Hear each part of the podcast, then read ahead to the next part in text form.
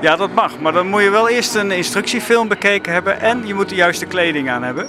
Dus helm op en een veiligheidshesje aan. Oh, want ik dacht haar in de wind, maar dat gaat dus niet. Haar in de wind? Nee, dat gaat niet. Nee, helaas. Dan eh, zul je toch met een, eh, een veerboot mee moeten.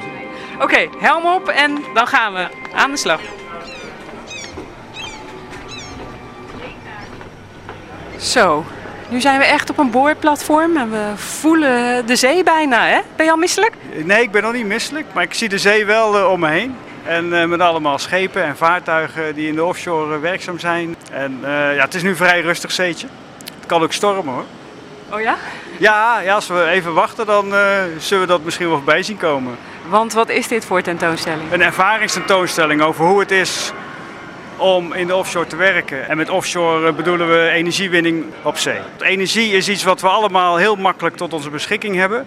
Maar er wordt heel veel moeite gedaan om dat voor elkaar te krijgen. Dat we echt, als we het schakelaar om, omdraaien, dat er elektriciteit is. Of dat we bij de benzinepomp eh, benzine kunnen tanken. Daar zit een hele industrie achter die eh, heel high-tech is. Die fenomenale dingen doen. En eh, ja, dat ontgaat de meeste eh, Nederlanders ontgaat dat volledig.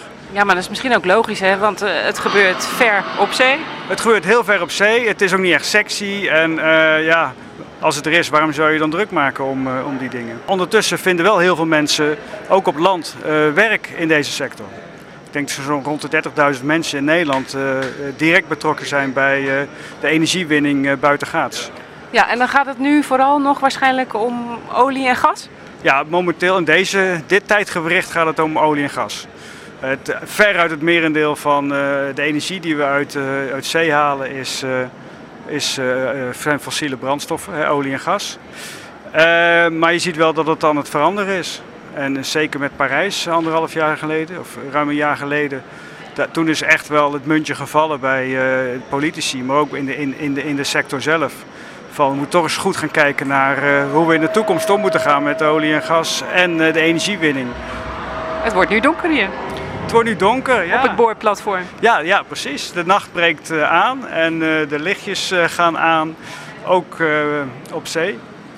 We zitten eigenlijk in een soort overgangsfase. Hè? Een overgangsfase van de fossiele energie die we gebruiken naar duurzame energie. Kun je daar hier ook wat van zien op deze tentoonstelling? Ja, we hebben op het platform gekozen voor eh, de energiewinning zoals die nu is, heden ten dagen plaatsvindt.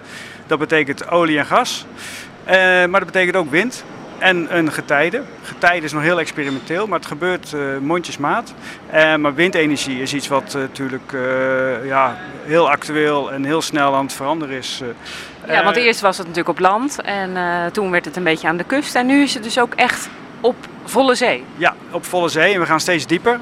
En dat geeft eh, tal van problemen. Kijk, op de Noordzee, die gemiddeld zo'n 40 meter diep is, daar kunnen we win- windmolen plaatsen. Als er plek is, dat is ook nog maar de vraag. Hè. Zit je niet in het vaarwater van eh, de vissers, de schepen? Zit je niet te dicht onder de kust? Eh, nou, noem maar op. Er zijn al tal van problemen op de Noordzee. Maar als je naar de Atlantische Oceaan gaat bijvoorbeeld, ja, daar waait natuurlijk eh, ook heel veel. Heeft niemand last van enorme windmolenparken. Maar hoe zet je die windmolenparken daar neer? Dat is echt een heel groot probleem. En nu zijn daar bedrijven al mee bezig om daar oplossingen voor te verzinnen.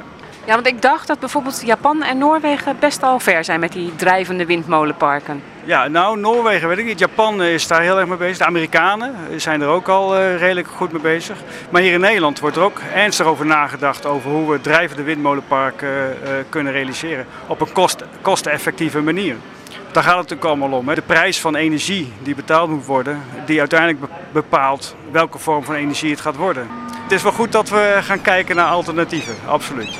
Ik heb het wel een beetje warm nu met dat hesje en die helm op. Zal ik hem afdoen? Ja, dat is goed. Eh, dat is wel een goed idee. Eh, daar zijn vakjes, daar kunnen we de helms eh, en de hesjes weer in, in terugstoppen. En vergeet ook niet uit te loggen, want eh, dan kun je zien wat je score is geweest eh, op het platform met alle spelletjes die we hebben gedaan.